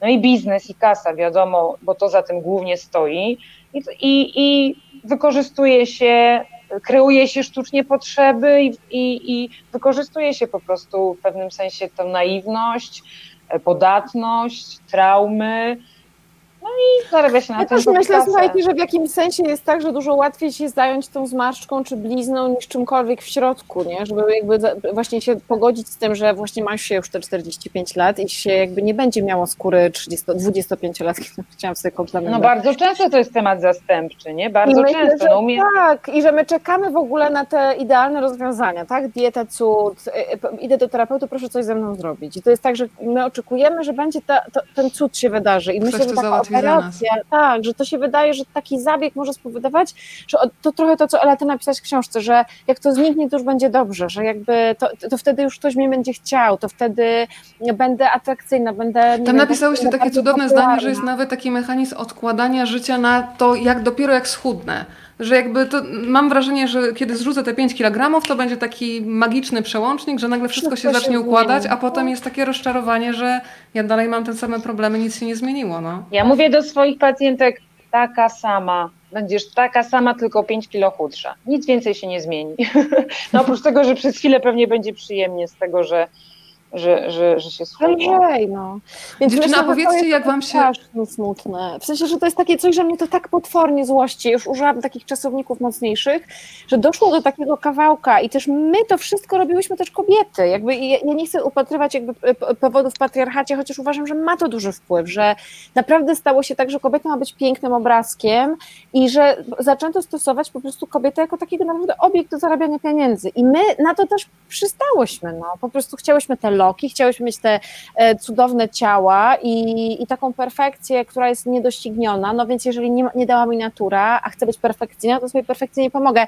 To mnie jakoś potwornie złości, potwornie. Ja tutaj w ogóle mam zmarszczki, te piegi, ja mam tutaj dużo bardzo i zawsze miałam akceptację i jakoś chyba to dostałam od mamy, bo moja mama po prostu zawsze mówiła, że jakby to jest okej, okay, że ma te plamy na dłoniach i one świadczą o tym, że ona przeżyła te lata i ja nie mam do, do, do starzenia się, ale też ja nie jestem w kanonie tych pięknych kobiet. Jakby ja, ja, nigdy nie miałam, wiecie, jakby to nigdy, ta uroda nie była dla mnie tym numerem jeden. Ja zawsze byłam ta energia albo intelekt, ale nie, jakby może też jest łatwiej mi paradoksalnie teraz, po prostu no, to, co miałam nadal jest, a ta uroda tam, mam tę zmarszczkę do uśmiechania się i teraz jestem cała czerwona, no, ale nadal jestem, śmieszki są ale nadal jestem, wiecie, z wami sobą, a nie tą urodą i paradoksalnie tak sobie myślę, że przez 20-30 lat to niezbyt może miłe, ale potem to łatwiej, bo to nie ma tego zjazdu ze zjeżdżalni, tak sobie myślę i też za to można być wdzięcznym, też się nie spodziewałam, ale można. A dziewczyny, powiedzcie, jak się wam zmieniło podejście do ciała w pandemii, bo ja powiem wam szczerze, że to było nawet zabawne. Raz, że już odkąd też mam psa, to wychodzę rano w ogóle, nawet bez podkładu, bez niczego, w ogóle się mało, rzadko maluję, ale już mam mówiąc nieładnie, naprawdę, nieważne jak wygląda, po prostu trzeba wyjść z psem. E, maski zresztą na twarz też sporo prawda, załatwiały. Natomiast sama byłam e, zdziwiona, że jednak zaczynają mi przeszkadzać siwe włosy, które no, zaczynają wychodzić, fryzjera nie ma. Więc były jakieś prześmieszne akcje ratunkowe w postaci męża farbującego głowę. Słuchajcie, kombinacje gimnastyczne nad wanną końcu, dobrze powiem, to też skończyło się tak, że cała się rozebrałam, żeby zmyć y, farbę z włosów, y, na co mój mąż tylko zapytał, czy też tak robię u fryzjera, więc nie. Y, natomiast potem już mi przeszło, natomiast faktycznie to też był taki moment, kiedy musiałyśmy się skonfrontować z tym, tak. Jak wygląda fizjologia, że nie możesz sobie zrobić paznokci. Całe szczęście, tak. że nie miałam, nie wiem, przedłużanych rzęs czy czegokolwiek, bo wtedy no nic nie można było zrobić. Więc jak wam się ten czas zamknięcia y, i tej konfrontacji z ciałem nagłej, jak to przeżyłyście? Jezu, ile ja kasy zaoszczędziłam. O, to, to prawda, też to zauważyłam. No, bardzo. Nagle się okazało, że ile rzeczy ja, można samemu zrobić. Można, właśnie to chciałam powiedzieć, że ja sobie zaczęłam robić sama i okazało się, że nawet to umiem i że to jest przyjemne i że też mam na to czas, no bo nie jestem w konkursie na najlepszą matkę i pracodawczynię i pracoda, pra, pracowniczkę, no bo jestem w domu, więc dużo mi tych ról odeszło. I bardzo też było fajne to, że ja zaczęłam, słuchajcie, też pielęgnować tę skórę znacznie bardziej, bo ja w ogóle bardzo lubię pielęgnację i twarz i skóra jest dla mnie ważna i sobie robiłam te maseczki i paradoksalnie poświęcałam więcej czasu, choć muszę przyznać, że sprawa fryzjera była nie, jakby, ja nie mam jeszcze siwych, bo ja jestem z niesiwiącej rodziny, ale no tak żywka i to wszystko, to było... To było Wyślę do ciebie mojego męża jakby coś, już jest przeszkolony, jak będzie, wiesz. Ale to rzeczywiście mnie denerwowało, natomiast y, takie doświadczenie naturalności i takiego, kurczę, rzeczywiście jaki ja wkładam wysiłek w to, a chodzę tylko tak. na paznokcie i na brwi, no bo nic więcej. Mhm. I ten wąsik sobie sama robiłam, te blizny, to wszystko, ale troszkę sobie jakby wybrałam sobie, właśnie miałam takie poczucie, okej, okay, wszystkiego nie ogarnę, no ale co jest dla mnie ważne, no i trochę sobie ogarnęłam, a trochę zostało i to, co jest bardzo zabawne też w kontekście dzieci, że moje córki teraz pytają, mama, ale dlaczego ty się pomalowałaś? A, a po co, a dlaczego? Ja mówię, no, byłam w pracy, no, no to co z tego? I rzeczywiście jakby że, że, teraz mam takie poczucie, że jestem umalowana. I wczoraj, jak miałyśmy, czy tam przedwczoraj tę sesję, no to tak w tym lustrze, wow, ale jakaś inna pani, ale kiedyś miałam super wyglądam pomalowana, a teraz miałam tak, że cudownie nas pomalowała Martyna, ale czułam, że mam po prostu nałożone kolory na twarz, żeby być bardziej atrakcyjną. I miałam takie, nie jestem tam już. I bardzo jestem wdzięczna pandemii, bo tak sobie pobyłam, wiecie, miałam taki rysik w ogóle Kai Szulczewskiej, która robi ten ciało pozytywne, rysuje na te włosy, zapuszcza i wszystko jest takie naturalne i nawet miałam takie, sprawdzę sobie to i mhm. to było takie wysoki poziom naturalności, aż taki za bardzo dla mnie, ale pobycie w tym i zdecydowanie gdzie nie chcę, gdzie chcę i co zostawiam, było wspaniałe i też muszę wam powiedzieć, że taki męski w sobie kawałek już odnalazłam, że ja mam dużo To znaczy? Takiego, no właśnie te włosy, to takie, że ta skóra, w sensie, że jak tak tego ciała nie depilujesz i te paznokcie i to mhm. wszystko nie robisz, to jest taki, no, że taki, że naturalne ciało jest mniej samo w sobie kobiece i jakby my naprawdę dużo robimy, żeby ono było takie wydepilowane i, i to było bardzo dziwne, nie wiem czy dobre, bo już byłam na tych brwiach i tak dalej, ale, ale to było bardzo Ciekawe. tak. Dziewczyny, muszę Was zapytać o jedno, czy Wy w ogóle macie jeszcze dla mnie trochę czasu, bo y, niepostrzeżenie godzina 15 nam minęła. Ja mam czas, mogę rozmawiać i bardzo chcę, ale obiecałam Wam y, godzinę, więc ja zawsze wolę tutaj zapytać, czy mogę dalej rozmawiać. Ja mogę, myślę... ale mogą przyjść jakieś osoby niskiego wzrostu w postaci moich córek tutaj. Myślę, że już mogą nie wytrzymać, ale jakby co, to będziemy po prostu z nimi negocjować. Dobra, to robimy jeszcze kwadrans. Elunia, dasz radę? Dobra, dobra to poproszę tych wszystkich, którzy... Bo Mężu dużo osób się, kwadrans. dużo osób nam się przysłuchuje, więc jeżeli macie pytania, to proszę tę ciekawość przerabiać na pytania i od razu y, będę przekazywać dalej. W książce też piszecie między innymi o kręgach kobiet. Wyjaśnijmy jeszcze, Agata, o co chodzi. No, Kręgi Kobiet to jest też taki mój plan, oczywiście na idealną y, fundację, że musimy prowadzić spotkania dla kobiet i ja o tym marzyłam w ogóle od kiedy zaczęłam pracować, e, żeby pracować w grupie z kobietami i stworzyłyśmy jeden krąg, bo nie miałyśmy też wyporności na więcej i COVID go w ogóle zatrzymał. E, Kręgi Kobiet to jest takie miejsce, które trochę zrobiłyśmy sobie teraz, czyli że siadamy w kole, jemy i gadamy o tym, i są bohaterowie zapowiedzeni. I bohaterowie drugiego planu. Tym, tak jest. I gadamy o tym, jak nam jest z tymi ciałami, e, jak jesteśmy wobec siebie surowe, a jak chciałobyśmy być wobec siebie łagodne. I kręg jest po to, żeby właśnie te kobiety, które są w tym wyidealizowanym świecie, trochę prowadzone przez nas, które już jakby są w stanie trochę okiełznać ten wstyd, żeby powiedzieć sobie, w jakim jestem miejscu, czego potrzebuję, ale głównie, żeby się podzielić i zobaczyć, że wszystkie mamy tak samo, że nie ma tych idealnych terapeutów, terapeutek, idealnych ekspertek. Jesteśmy wszystkie takimi samymi kobietami z tymi włosami i wąsem. I trochę to było o tym, trochę też było edukacyjnie, była praca z ciałem, która jest dla nas bardzo ważna. Zuza Sikorska z Body Thinking robiła wspaniałe rzeczy, wspaniałe, jakby takie, wiesz, bycie z ciałem poprzez dotyk, także na przykład miałyśmy takie ćwiczenie, że miałyśmy przez kilka minut masować swoją jedną stronę, na przykład jedną nogę i nagle się okazywało, że sam własny dotyk, tylko taki świadomy tam... Że mamy relację z własną nogą, nie? Ona jest żywa i miękka i ciepła, ta druga taka biedna, zimna i to było takie, to też taka rzecz, co zostanie ze mną na zawsze, że ja sobie to po prostu sama, mogę sama ożywić swoje ciało dotykiem. No i to było trochę o tym, żeby trochę powydobywać głos, trochę pobyć, to, oczywiście interwencja Eli psychoterapeutyczna też była, była też edukacyjna Hani Stolińskiej. Troszkę żeśmy się chyba nie spodziewały, że tak się potwierają panie, więc musiałam trochę interweniować. Tak, bo miało być to wymienianie się doświadczeniami, ale wspaniałe to było i cudowne, te dziewczyny nawiązała się też taka więź i one są tak z nami, są takimi teraz kobietami bez diety i nas, wiesz, jakby, no jest, jesteśmy po prostu razem, więc wspaniałe to było, gdybyśmy tylko mogły, to ja bym to robiła codziennie od rana do wieczora, bo dla mnie to jest najbardziej spełniająca praca, no ale nie można, you can't have it all. Jest też taki cudowny kawałek w tej książce o takim, że czasami wpadamy w taki krąg frustracji, dlatego nam są potrzebne inne kobiety, żeby pokazać, że w pewnych sytuacjach można się zachować inaczej. Bo siedzimy w takich kolejnach. Nie zapomnę opowieści mojej przyjaciółki, która mm, do której przychodziła jej pacjentka yy, i była wiecznie taka umęczona tym, że jej mama, to już była dorosła kobieta, oczekuje od niej, że ona zawsze w tę niedzielę ugotuje wspaniały obiad i tak dalej. I ona zada proste pytanie, słuchaj, to wiesz, nawet możesz kupić w restauracji dla świętego spokoju, nawet przepakuj to do garnków, ale przynajmniej tak sobie ulżyj. No ale to tak można? No można. I to są czasami takie drobnostki, ja tutaj przydaję jakiś absurdalny, pokazuję yy, przykład, ale powiedzcie też, że dziewczyny w kobietach bez diety są bardzo różne, mają różne temperamenty, różne podejścia, więc jak ważne są dla Was te zderzenia pomiędzy Wami, Ela? O matko, bardzo tak, ważne. Ja po prostu mam takie poczucie, że w każdej y, z dziewczyn jakiś kawałek siebie odnalazłam i ten taki swój, ale też i brakujący, więc ja się bardzo otworzyłam, nauczyłam dużo też. E, mimo, że je, to, nie, to nie jest jakaś moja pierwsza taka kobieca grupa, to, to, to, było, to, to była pierwsza w zasadzie zawodowa kobieca grupa. I to też było ciekawe, no bo mhm. każda tutaj królowa, prawda?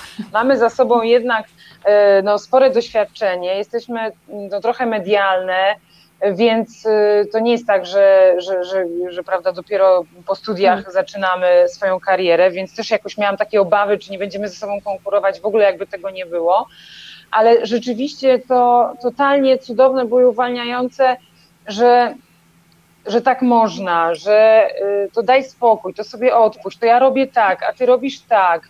Więc to wzajemne dzielenie się doświadczeniem, e, bo jedne są mamami, drugie nie są mamami. No, no po prostu naprawdę to, to, to jest cudowne, wspaniałe i totalnie zaskakujące, bo my jesteśmy tak, każda inna ma urodę, każda ma inne ciało, inną figurę, inny rozmiar, co innego lubi, inaczej się odżywia każda z nas, to jest tak. w ogóle też e, fantastyczne.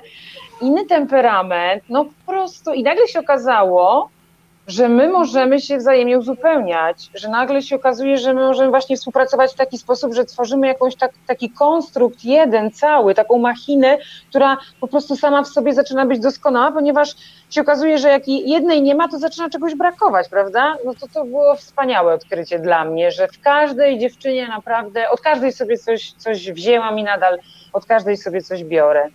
Siła tej no, książki to jest. Mhm. Ja jeszcze tylko chcę powiedzieć, że jakoś mi się wydaje, Elunia, że to rzeczywiście w ogóle ewoluowało, że to nie było tak od początku, nie? Że my tak, tak. tak. My się poznawałyśmy, docierałyśmy, tak. nie? Ale to, co chyba najsilniej wybrzmiewało, to zgoda na odpuszczenie, że my wszystkie miałyśmy coś takiego, że jak wiadomo było, że któraś ma ciężej, to było zostaw, my to zrobimy za ciebie.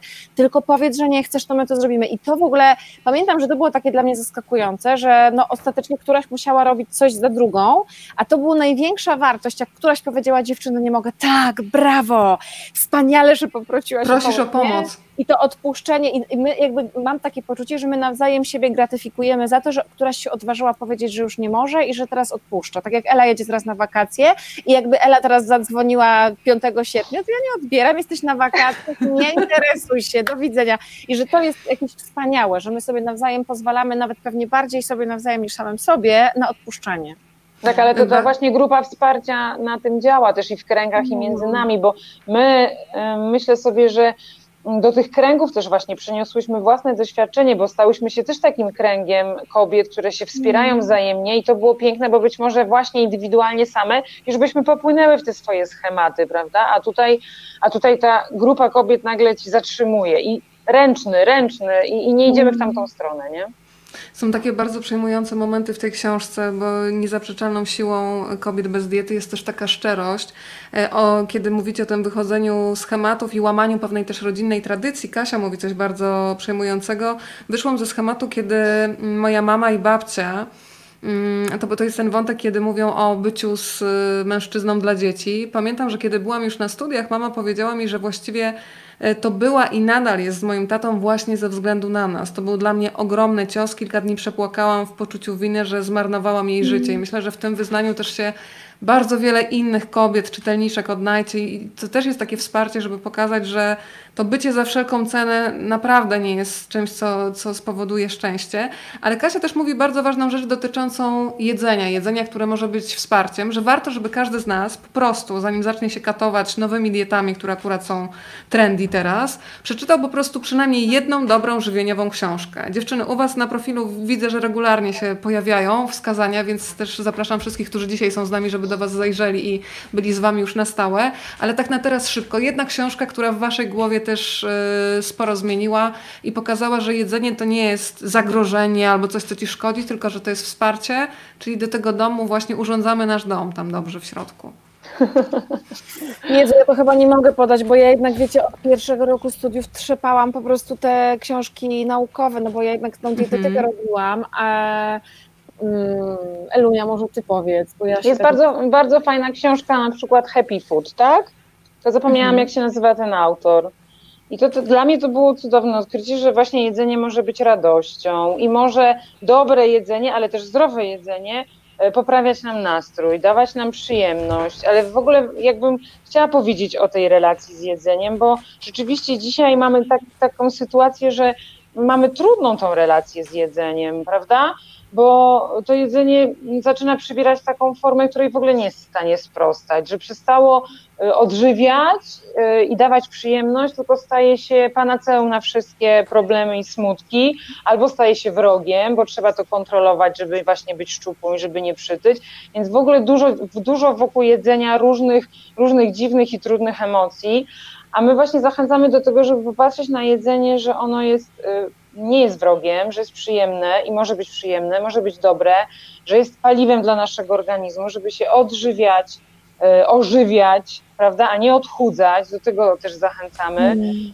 Żeby, że ja zawsze mówię, że można, nawet jeśli ktoś potrzebuje rzeczywiście się odchudzić, bo, bo naprawdę ma nadwagę czy otyłość, no to jest choroba i, i jakby chcemy coś z tym zrobić, to można to zrobić na dwa sposoby. Można to zrobić przemocowo, ale można to zrobić z troską i czułością, prawda, do swojego ciała i, porzucić tę myśl, że się odchudzam, tylko dobrze, to od dziś zaczynam o siebie dbać, bo mi na sobie zależy. W związku z tym decyduję inaczej, inaczej wybieram, inaczej kupuję, inaczej gotuję, bo chcę się zaprzyjaźnić z tym jedzeniem. Chcę, żeby ono było moim przyjacielem, po to, żeby właśnie moje ciało było zdrowe i fajne, i żebym się w nim dobrze czuła.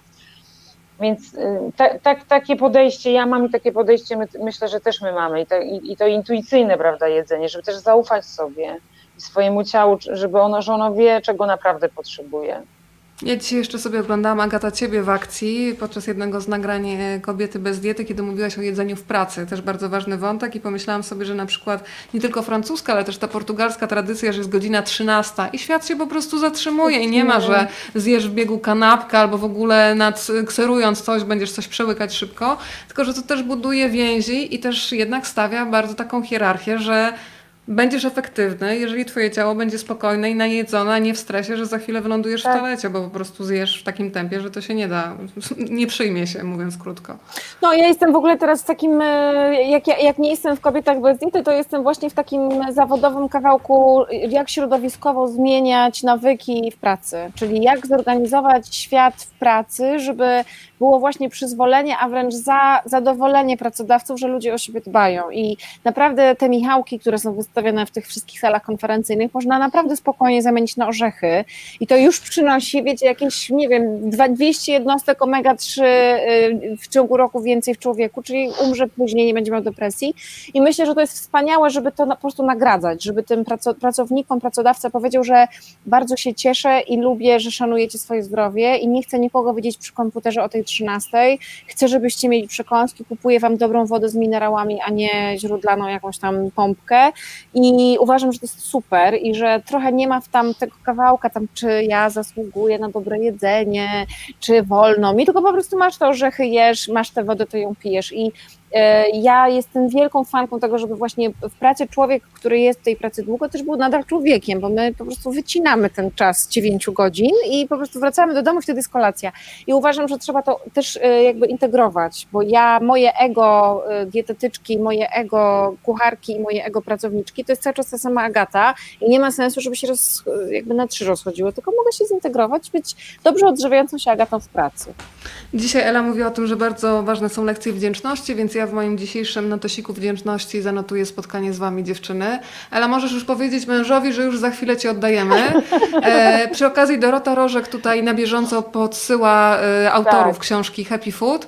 E, Agata, bardzo chciałam podziękować e, bratu Twojego byłego męża za opiekę nad dziećmi również, bo bez niego też ta transmisja by się nie odbyła. No i chciałam podziękować wszystkim dziewczynom bez diety, czyli Katarzynie Błażejewskiej-Sztur, Darii Gradziuk, Marcie Kielak, Eli tutaj widocznej p- przed Państwem, Hani Stolińskiej, Agacie Ziemnickiej i Kasi Miłkowskiej, bez której też tej książki Kobiety bez diety by nie było. Dziewczyny, życzę nam, żebyśmy miały taki niesłabnący apetyt na życie i po prostu się tak zadomowiły w tym swoim ciele, żeby tylko po prostu można było e, cieszyć się tą radością i zapraszać do tego domu gości, żeby się cieszyć po prostu swoim ciałem i po prostu na tym dzisiaj zakończę. Bardzo, bardzo Wam dziękuję z całego serca. My również. Bardzo dziękuję. My Cała również dziękujemy. W imieniu dziewczyn i chcę też powiedzieć, że to jest naprawdę tak, że te marzenia z dzieciństwa się spełniają, e, bo myślę, że to, co robimy jest wspaniałe, ale też marzenia z dorosłości się spełniają, ponieważ bycie z Tobą w audycji w tym poziomie bezpieczeństwa i równości, takiej siostrzeństwa, to jest też spełnione marzenie. Ja was przytulam najmocniej. Żałuję, że jedyne, jednej rzeczy mi dzisiaj brakuje, że gdybyśmy siedziały tutaj i nie było pandemii, to y, przytuliłabym was po prostu tak z całego serca. Bardzo dziękuję. Agata Ziemnicka i Ela Lange. Przytulamy. Do zobaczenia i Dziękuję, wszystkim, którzy byli z nami. Pa. Dziękuję wszystkim. Dobranoc. Pa, pa.